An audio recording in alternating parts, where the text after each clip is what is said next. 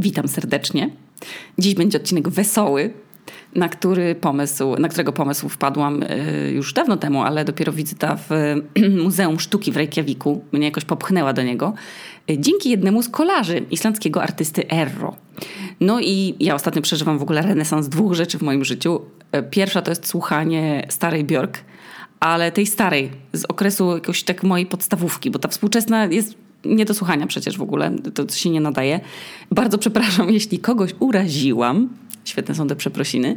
Ale serio, tylko Björk od 93 do tak 2000. Nic innego się w ogóle nie liczy. Powinny być takie w ogóle, wiecie, koncerty, że jak jakiś artysta ma jedną płytę, którą lubicie i on na tym koncercie gra właśnie tę konkretną płytę, a na innym koncercie jakąś inną. To powinny być tak dzielone koncerty różnych artystów, którzy nagrywają wiele, wiele lat i wtedy zero rozczarowania, no, że idziecie na koncert i nie wiem, ktoś, kto tam gra tyle lat, powiedzmy, że idziecie na The Cure i nie leci wasza ulubiona część ich twórczości z jakiegoś tam okresu, tylko w ogóle zupełnie nowe piosenki, których nie lubicie. No nerw, no i rozczarowanie. I wiem, że niektóre zespoły tak robią, ale ja bym chciała wprowadzić takie po prostu chyba dyktatorskie prawo, że, że tak powinny wyglądać trasy koncertowe. Oczywiście żartuję, no. Jedyne prawo, jakie chciałabym wprowadzić, to takie, żeby zdelegalizować głośne pierdzące motocykle a to i tak się nie wydarzy. A druga rzecz, którą odkrywam z radością na nowo, to są muzea i wystawy. I o kurwa, ostatni raz na wystawach w Reykjaviku byłam z 5 lat temu. I ja już żałuję, jak dużo relaksu i zachwytów mnie ominęło zakochałam się w osobie, która bardzo lubi korzystać z absolutnie wszystkich możliwych opcji konsumowania kultury, więc dołączam sobie do niej i ciśniemy po wszystkich galeriach i koncertach organizowanych w środku dnia. Ostatnio na gitarowym koncercie byłam, mimo że nie lubię gitary klasycznej, bo mi się od razu kojarzy z jedzeniem w jakiejś hiszpańskiej knajpie albo z tangiem, albo z ogniskiem na, na harcerskim obozie Bałdy Piec. Ale byłam. Zrelaksowałam się. Byłam też e, znowu na szczycie Hallgrímskirkja, byłam w Muzeum Einara Jonssona, wybitnego takiego islandzkiego rzeźbiarza. On mi się w ogóle jakoś dziwnie kojarzy z klimatem beksińskiego. Nie wiem w ogóle czemu. Może jak kiedyś pójdziecie, to mi powiecie, czy wam też się z czymś takim kojarzy. Piękne jest to muzeum. Byłam też na festiwalu filmowym w Reykjaviku, na fajnym fińskim filmie. Byłam na koncercie orkiestry symfonicznej grającej muzykę Filipa Glasa i y, Johanna Johanssona. Czy to, to on robił muzykę filmową i zresztą Filip Glas też robi muzykę filmową. Y, byłam na wystawie wspaniałej o kolażu właśnie, ponownie w, w Muzeum Sztuki w Reykjaviku i na wystawie Chromo Sapiens już chyba czwarty raz, czyli tej takiej instalacji, do której się wchodzi do środka, do takich futer kolorowych. A teraz jeszcze mamy w planach uderzyć do Muzeum Fotografii i do Muzeum Kierwala. To, to jest akurat malarskie i być może gdzieś do któregoś muzeum, które jest na południu, yy, tak, tak, na południu wyspy. Poszukamy sobie, czy są jakieś fajne muzea.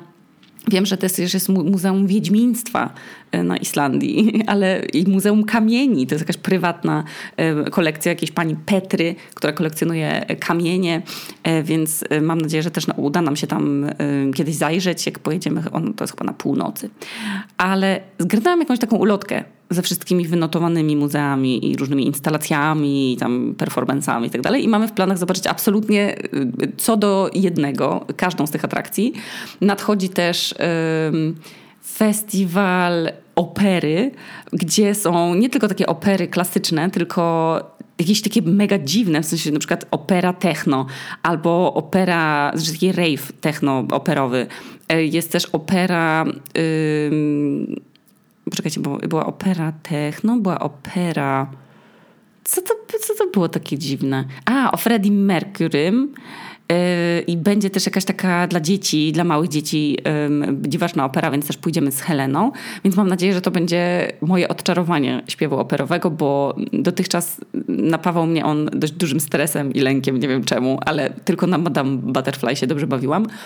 Ale yy, więc dużo, dużo robimy, dużo robię i strasznie mi z tym dobrze w ogóle lubiłam chodzić po galeriach, ja lubiłam to, a później jakoś nie miałam z kim, albo czułam, że nie chcę, a teraz jest mi od końca jakoś zeszłego roku coraz bliżej sztuki. I coraz częściej chodzę do filharmonii, coraz częściej w ogóle zdaję sobie bardziej z tego sprawę, jak bardzo w ogóle obcowanie z ciszą albo z instrumentami, albo ze sztuką w ogóle, zaliczając do niej też film, jest dla mnie relaksujące i w ogóle rozwijające i inspirujące w ogóle. I wróciłam też trochę do robienia zdjęć. Takich wiecie, że sprawiają wam przyjemność i chowają jakieś chwile w pamięci. I wcześniej miałam tak, że robiłam zdjęcia na odwal i tam się nie zastanawiałam jak nad kompozycją, kolorami i tak dalej. A teraz po prostu mówię stań tu, albo mówię nie ruszaj się i robię, bo znajdę jakieś piękne światło albo jakiś piękny kolor w tle i sprawia mi to mega dużo radości, ale też wpuszcza mi do głowy jakąś taką myśl, że przestaję się już zupełnie przejmować, co sobie ludzie pomyślą. I jako, że nie publikuję tych zdjęć, no bo jest na nich osoba, której nie chcę pokazywać, no to mam takie, co za olbrzymia przyjemność. Ja, ja się znowu, jak mam jakąś piękną twarz, którą chcę sfotografować, to czuję się, jakbym znowu była w liceum albo w gimnazjum i robiłam zdjęcia koleżankom, ale wtedy jakoś te zdjęcia mnie spinały. W sensie mega czułam presję, żeby robić je w jakiś tam konkretny sposób. Miałam jeszcze chyba wtedy też nadzieję na to, że może z robieniem zdjęć będzie się wiązała jakoś w przyszłości moja praca, bo bardzo mi się wtedy podobała wizja bycia fotografką. Teraz Bogu dziękuję, że nie jestem fotografką i nie jest to moja praca, tylko mogę je robić zdjęcia nie w pracy, tylko po pracy, traktując to jako zabawę i jakieś nowe hobby. W ogóle aparat. W ogóle to, że ktoś, a dokładniej Joseph Nicefore, Nikefor chyba, Niepce, pomyślał, kurde, ale fajnie byłoby stworzyć urządzenie, uchwyci to, co się dzieje, ale tak trwale bez malowania. Żeby tak popatrzeć sobie oczkiem i kliknąć klik i żeby móc zachować obraz. Nie no, nie pomyślał tak, no bo prób stworzenia takiego aparatu było wiele. Jemu się to do końca nie udało, bo, bo używał małego, takiego własnoręcznie stworzonego aparatu bardzo chałupniczego oraz papieru pokrytego chlorkiem srebra. I o ile faktycznie się udało uchwycić obraz, no to, to niedługo trwale, bo ten chlorek srebra po czasie po prostu cały ciemniał i, i nie było widać tego obrazu na wiele dni. Ale jego wspólnik, kiedy sam Joseph zmarł, zajął się tworzeniem pierwszego całego takiego procesu fotograficznego i stworzył dagerotypię. I to była faktycznie pierwsza udana próba uchwycenia obrazu takiego trwale. Później był kalotyp z innymi odczynnikami chemicznymi, a później George Eastman stworzył pierwszy aparat fotograficzny Kodak w 1888. I czy my moglibyśmy się dziś zatrzymać trochę w tym, co my robimy teraz? Ja teraz nagrywam, więc nie mogę się zatrzymać.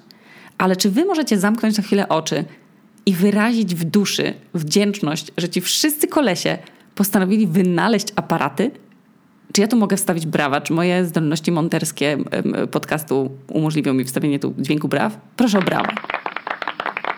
Jezu, słuchajcie, o tym właśnie będzie dzisiejszy odcinek. O wszystkich tych wynalazkach, które są arcywybitne, rewolucyjne, korzystamy z nich codziennie a oczywiście nie przychodzi nam przez myśl tak abstrakcyjna rzecz, jak myśl o tym, co by było, gdyby w ogóle nie istniały, bo jesteśmy do nich przyzwyczajeni, jesteśmy już po prostu rozbestwieni w ułatwieniach naszego życia, łącznie z podgrzewanymi fotelami w samochodach i kamerami, i GPS-em, i w ogóle internetem i tak dalej.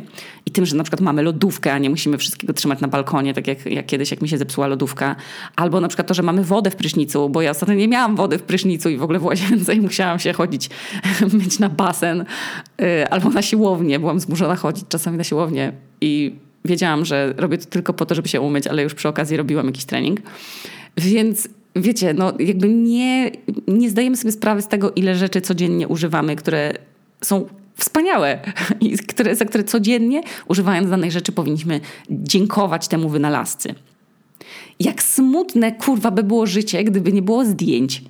Może jednocześnie nie czulibyśmy tego rozczarowania, na przykład jak, jak kiedy się patrzymy na swoje zdjęcie paszportowe albo do wizy, gdyby zdjęcia nie istniały, ale na przykład gdyby nas ktoś musiał zamiast tego narysować, to może by było jeszcze gorzej. Aparaty fotograficzne. Jezus, co za absolutnie wybitny wynalazek. Nie dość, że można zrobić zdjęcia pamiątkowe sobie po prostu dla siebie, tak po prostu, a każdy z nas ma jakieś jedno zdjęcie, takie wiecie, ulubione. Czy z dzieciństwa, czy z jakiegoś albumu o fotografii, czy z podręcznika do niemieckiego. tak paskudne tam są zdjęcia takie stokowe. Zdjęcia dają nam też przecież informacje o świecie, no bo bez nich nie bylibyśmy w stanie wiedzieć nie tylko, co się dzieje na świecie, nie tylko tych pięknych miejsc yy, i poznawać innych krajów i kultur i zwierząt i tak dalej, ale też nie pomijajmy tak bardzo ważnej części fotografii, jak na przykład fotografia wojskowa, wojenna, czy w ogóle reporterska. Bez aparatów totalnie byśmy nie wiedzieli w ogóle, jak wygląda rzeczywistość. Nie wiem, czy zdajecie sobie teraz sprawę z tego, że każdy z nas, każdy z osobna, dysponuje zupełnie inną wrażliwością na obraz tu i teraz. Przepraszam za mój głos, ale nagrałam to bardzo wcześnie rano. każdy z nas w ogóle inaczej widzi świat. I, mamy zupełnie inną wrażliwością na obraz.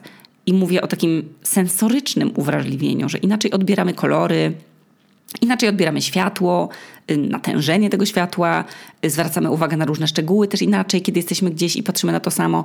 Ale kiedy patrzymy na zdjęcie, och, aż się uderzyłam, jest większa szansa, że odbierzemy je podobnie, bo korzystamy wtedy tylko z tego jednego zmysłu. Już nie słyszymy dźwięków danego, danego miejsca, tej sceny, y, nie widzimy tego światła konkretnego, tego w ogóle ogromu, co się dzieje dookoła nas. Widzimy tylko wycinek i dlatego fotografia jest tak istotna i tak piękna. To jest coś, coś fantastycznego, no, że człowiek potrafi zachować tu i teraz i móc do tego wracać. Już pomijam fakt, że zazwyczaj mamy aparat w kieszeni, nie? I na przykład ja się pół życia wzbraniałam przed iPhone'ami, bo są drogie i przehypowane, ale jak urodziłam dziecko, to wiedziałam, że będę robić miliony zdjęć. Też w słabym świetle, czy tam w ruchu i tak dalej. I na maksa się cieszę, że robiłam te zdjęcia bo oglądam je bez przerwy i wywołuję je do albumu fizycznego takiego, ale też przede wszystkim y, możemy się dzięki tym telefonom dzielić zdjęciami od razu, no bo wysyłać je do bliskich i to też na maksa ułatwia życie na emigracji też na przykład. Kocham to. Kocham zdjęcia i samą ideę zamykania obrazów w małych okienkach i bardzo mnie to wzrusza. I wiecie, co mnie jeszcze bardzo wzrusza? Instrumenty. Coś, co mnie tknęło podczas ostatniego koncertu w Harpie, gdzie w ogóle jak rok temu odkryłam, że orkiestra symfoniczna na żywo to jest coś absolutnie wspaniałego dla ciała. Bo to fizyka, no, drgania powietrza w ogóle, wibracje tych wszystkich instrumentów. Boże święty, to jest jakiś kompletny prysznic dla ciała. I myślałam ostatnio nad tym, że przecież ktoś musiał te instrumenty stworzyć od A do Z. Wiedzieć, jakich odczynników użyć, żeby z końskich włosów zrobić jakiś smyczek, wiedzieć, jak wytoczyć drewno, żeby powstał dźwięk, jak je ze sobą połączyć, te elementy tych instrumentów, żeby były takie same i dawały uniwersalne dźwięki jak byłam ostatnio w tym, e, na tym koncercie w środku dnia, to akurat było o gitarze, nie? Ale w inne dni były koncerty wiolonczelistów, albo skrzypcowe, albo tam flety i różne. I tam był przekrój wiolonczeli oraz takich, w takich fioleczkach pokazane wszystkie te chemiczne substancje, które trzeba było ze sobą połączyć, żeby zaimpregnować instrumenty stworzyć smyczki i, i różne tam elementy do tych, wiecie, do, takie, do, do nakręcania, no i tak dalej, nie? Ale nawet, żeby zabarwić instrument na dany kolor i na przykład zaintrygowało mnie, że istnieje coś takiego jak smocza krew, dragon's blood, żywica taka pozyskiwana z jakichś tam roślin, używana właśnie przy produkcji wiolonczeli i innych smyczków, żeby nadawać kolor drewna. Żeby ono było właśnie takie no, no mocno nasycone pomarańczowo, takie drewniane. I powstanie instrumentów to przecież nie był przypadek. One nie rosną sobie na drzewach. One musiały być wymyślone, stworzone ręcznie, dopieszczone, wynalezione po prostu. Ale to, że instrumenty istnieją i że to wspaniałe, no to jest jedno. Ale drugie, że przecież w ogóle muzyka, którą my konsumujemy na różnych koncertach, to jest owoc pracy przecież tak wielu pokoleń i tak wielu ludzi. Od tych, którzy te instrumenty wymyślili, przez tych, którzy, których ręce je wyprodukowały, przez tych, którzy napisali utwory i je w ogóle wymyślili. O kurwa, no nie bieści mi się to w głowie, że ktoś może wymyślić muzykę i rozpisać ją na tak wiele instrumentów. Naraz! Przecież to jest, to jest współcześnie od 50 do 120 muzyków na scenie i oni musieli się uczyć tego, co grają. To nigdy nie jest tak, że oni przychodzą do filharmonii czy do opery i siadają i jazda, nie? Oni muszą ćwiczyć latami. Latami! Jezus! Od dzieciaka noszą te instrumenty na plecach, rodzice ich wożą na te zajęcia, płacą i tam za te szkoły, te dzieci płaczą, nie chcą chodzić na ten instrument, nienawidzą tego, albo lubią, ale muszą poświęcać na to dodatkowy czas. Jak ja się przyjaźniłam z Leną, przyjaźnię się do dziś, ale jak przyjaźniłam się z nią jeszcze w gimnazjum i ona chodziła do szkoły muzycznej, i nienawidziła tego kształcenia słuchu i tych wszystkich rzeczy. I powiedziała, że ona nigdy nie zostanie muzyczką, muzykiem. I że ona nigdy nie będzie tą klarnecistką taką dobrą i na pewno nie będzie grała w żadnym zespole, bo jej się to nie uda. No i teraz gra w Warszawskiej Orkiestrze Sentymentalnej i ma swój jeszcze osobny projekt z tym, z jakimś panem Ahmadem, yy, gdzie grają muzykę tradycyjną, jakąś taką bardzo dziwną, egzotyczną. Nie wiem, co to za muzyka, bo jestem ignorantką akurat tego typu muzyki, ale serio, to jest, to jest niesamowite. To jest niesamowite. Później ci młodzi dorośli po prostu w kółko szlifują te swoje umiejętności, a poza nimi też jest dyrygent. Ja nie wiem, po co on jest, bo oczywiście nie rozumiem języka jego dłoni i mam wrażenie, że wszystko jest w nutach przecież. A to oczywiście nieprawda. Bo dyrygent jest ważną częścią tej układanki i gdyby orkiestra, no niby orkiestra mogłaby zagrać bez dyrygenta, no ale nie brzmiałoby to tak samo. Na pewno byłoby o wiele gorszej jakości. Dyrygent jest bardzo ważną częścią tej układanki. W każdym razie, co za absolutnie złożona, przepiękna rzecz. Muzyka, wynalezienie muzyki, a później złożenie jej w jedno. I to, że ci ludzie, tak jak my sobie idziemy do pracy i ktoś pracuje w restauracji, ja sobie nagrywam podcasty, ktoś jest psychologiem, ktoś kładzie drogi, ktoś jest hydraulikiem, nauczycielem i tak dalej. A ich praca polega na tworzeniu piękna i wlewania go nam w uszy. Just that, nie? To jest, to jest praca opierająca się po prostu na dostarczaniu ludziom przyjemności, obcowania z czymś wzruszającym i poruszającym wyobraźnię. Ja serio uważam, że w dzisiejszych czasach kapitalizmu, w ogóle w czasach, gdzie jest tylko produkcja i konsumpcja, uznawane za pracę, to granie na instrumentach dla innych ludzi to jest, to jest wręcz jakiś przejaw altruizmu. To jest, to jest jak te wszystkie dzikie zwierzęta mieszkające na Sumatrze i Borneo i te wszystkie dzieła natury, wodospady, omszone y, y, głazy i, i szczyty gór ośnieżone. To jest poza naszym zasięgiem, żeby sobie z tym poobcować i się pozachwycać że Jezus, ktoś stworzył świat i jest w nim tyle wzruszeń. Ale logiczne, że nie możemy jechać w nietknięte człowiekiem miejsca, ale te same wzruszenia możemy mieć właśnie słuchając instrumentów na żywo. I czy możemy właśnie zaklaskać w głowie tym wszystkim ludziom? Czy my możemy? Okej, okay, klaskanie poproszę. A teraz coś zupełnie z innej beczki, kochani. W ogóle nie doceniamy faktu istnienia suszarki do włosów. Ja wiem, że są ludzie niesuszący włosów, na przykład łysi, ale są też osoby, którym bardzo szybko schną włosy. Otóż moje włosy nie schną nigdy, samoczynnie, nigdy, jeżeli nie istniałaby suszarka do włosów, a ktoś nie poświęciłby swoich zwojów mózgowych na to, by wynaleźć to dzieło techniki. To raz umyte w 93 roku włosy moje, to do teraz by były mokre. Jak to wie, czy ja bym nie chodziła ze zgniłymi stronkami aż do teraz. Gdyby nie, Polak. Słuchajcie, tak, Polak. Michał Doliwo-Dobrowolski 1899 roku, czyli nie tak dawno temu w ogóle, wymyślił i opracował pierwszą suszarkę do włosów, a ona nosiła nazwę Fön, czyli ciepły górski wiatr. I ja nie wiem, jak ludzie z włosami takimi jak moje suszyli je zanim wynaleziono suszarki. Czy oni musieli po prostu siadać przy piecu jakimś?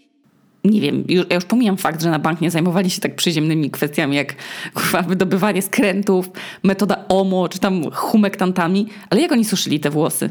Czy ludzie jakoś rzadko moczyli głowy wtedy? Na bank musieli sobie jakoś radzić. Może, może schodziła się cała wieś do takich jak ja i oni tak uff, dmuchali ludziom na głowy? Może istniały już wtedy dmuchawy do liści takie ręczne?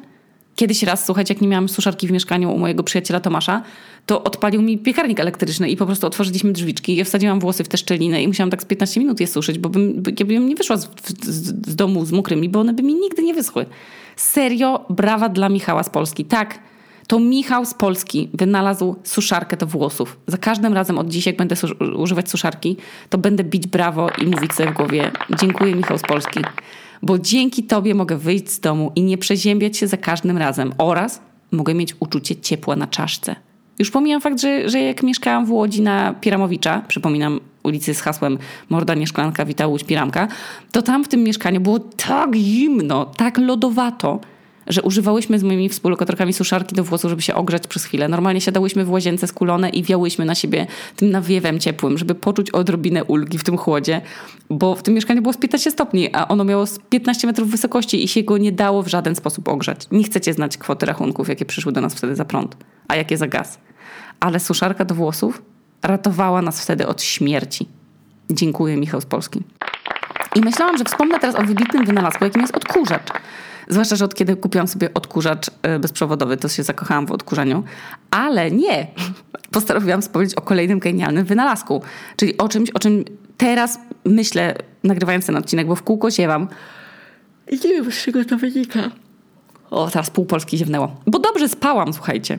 Ale o czym chciałam wspomnieć? O ekspresie do kawy. Ja nie wiem jak wy, czy jak ktoś nie lubi albo nie pije kawy, to w ogóle czy mają w swoim codziennym radarze.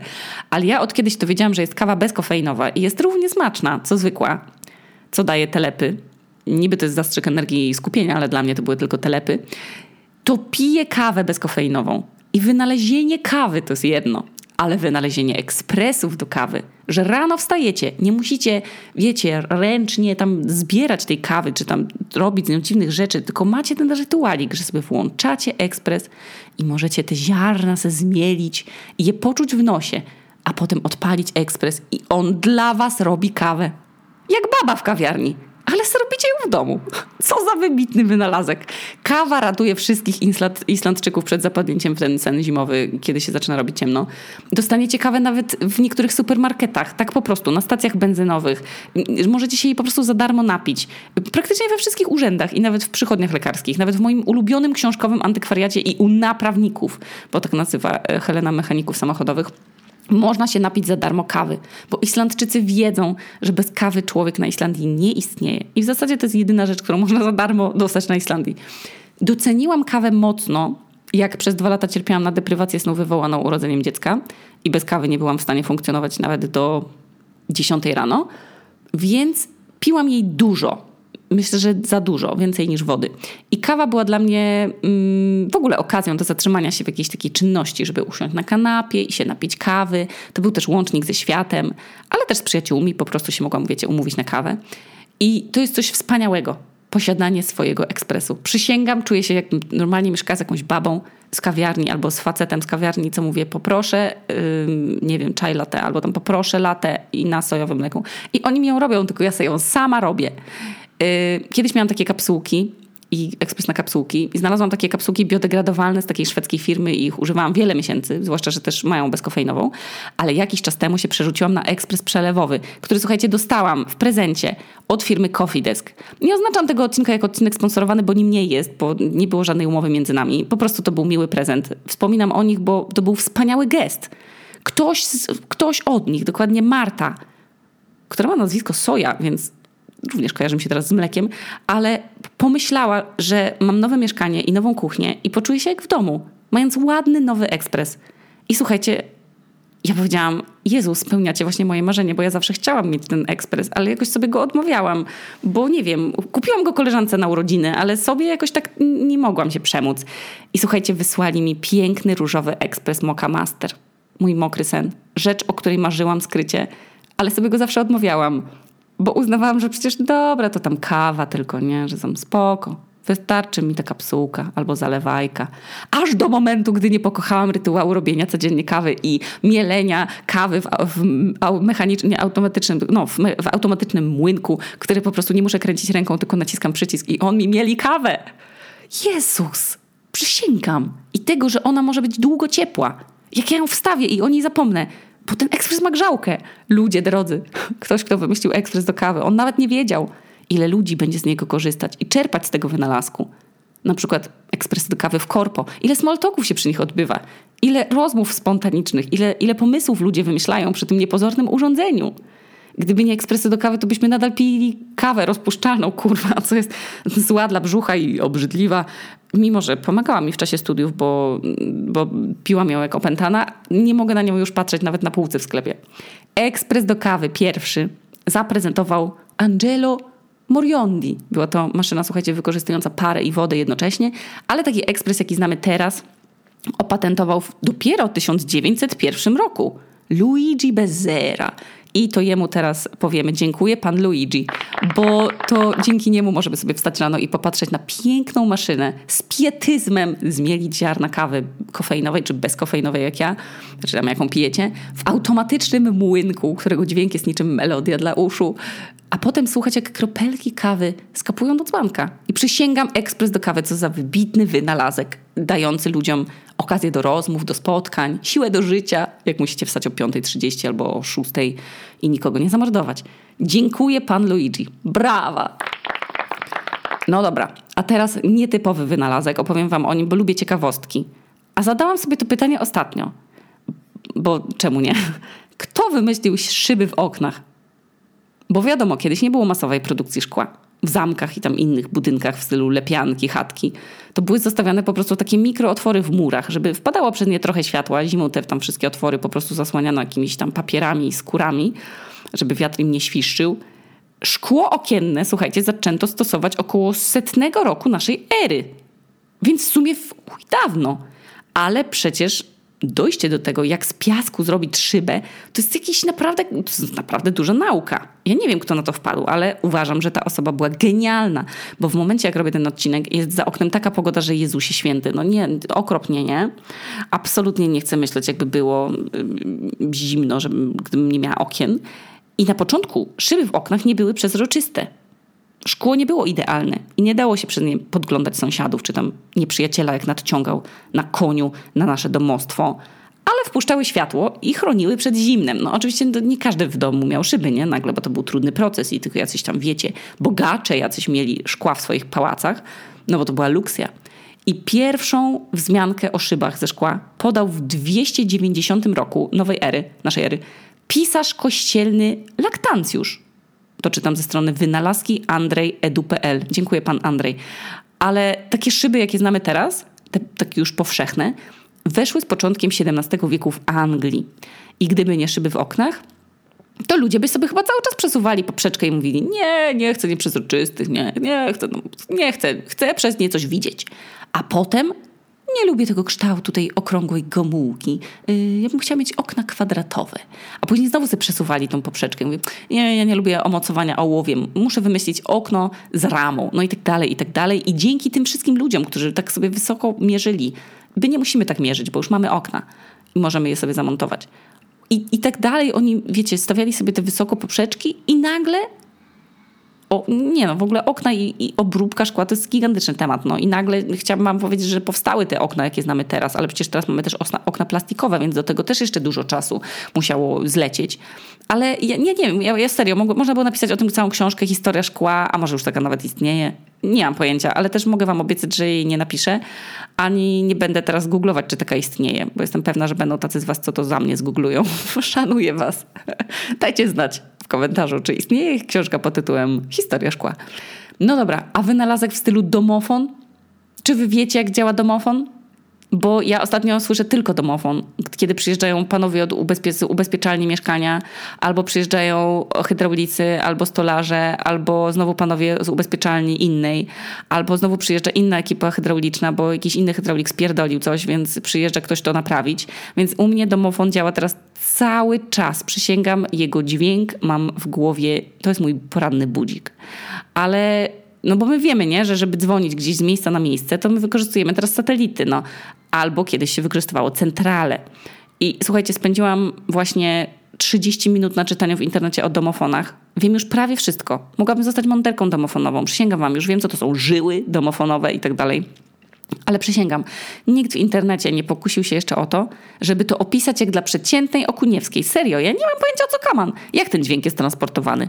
Na stronie Euratech dziękuję panie Eurotech, napisane jest, że cytuję, pierwszy interkom bazujący na instalacji telefonicznej pojawił się na rynku już u schyłku XIX wieku. Okej. Okay. Dowiedziałam się też, że później doszło do wynalezienia przełomowego urządzenia, czyli tranzystora, za którego twórcy, jego twórcy otrzymali Nagrodę Nobla w 1956 roku. No i że tranzystor jakoś tam mega przyspieszył w ogóle technologię, coś tam, coś tam. Ale jak działa domofon? Jak to działa? Co za wybitny wynalazek. Można komuś drzwi w ogóle, wiecie, otworzyć będąc w domu. Kto raz mieszkał na czwartym piętrze i musiał schodzić w papciach na dół, żeby otworzyć komuś drzwi, a później jeszcze musiał schodzić raz, żeby znowu otworzyć komuś drzwi, bo to inna osoba była, a później jak jeszcze zamówili jedzenie z Volta i to znowu musiał schodzić. Więc takie osoby, tak, to do ciebie Aneta, wy powinniście codziennie głaskać ten plastikowy sprzęt i szeptać do niego dziękuję pan domofon. Bo nie dość, że to był absolutnie najwybitniejszy wynalazek naszego dzieciństwa, no bo przecież dzwoniliśmy do siebie domofonem i żeby się spytać, czy Ada może na podwórko, ale też dlatego, że no, po prostu można było ze swoją mamą pogadać przez domofon i się spytać, czy zrzuci nam bułkę słodką albo misia episia. No genialny wynalazek, no wynalazcy interkomu i tranzystora. Jest was zbyt wiele, żeby wymienić was imienia i nazwiska. Gratuluję wam tej nagrody Nobla, ale przede wszystkim dziękujemy panowie od domofonów.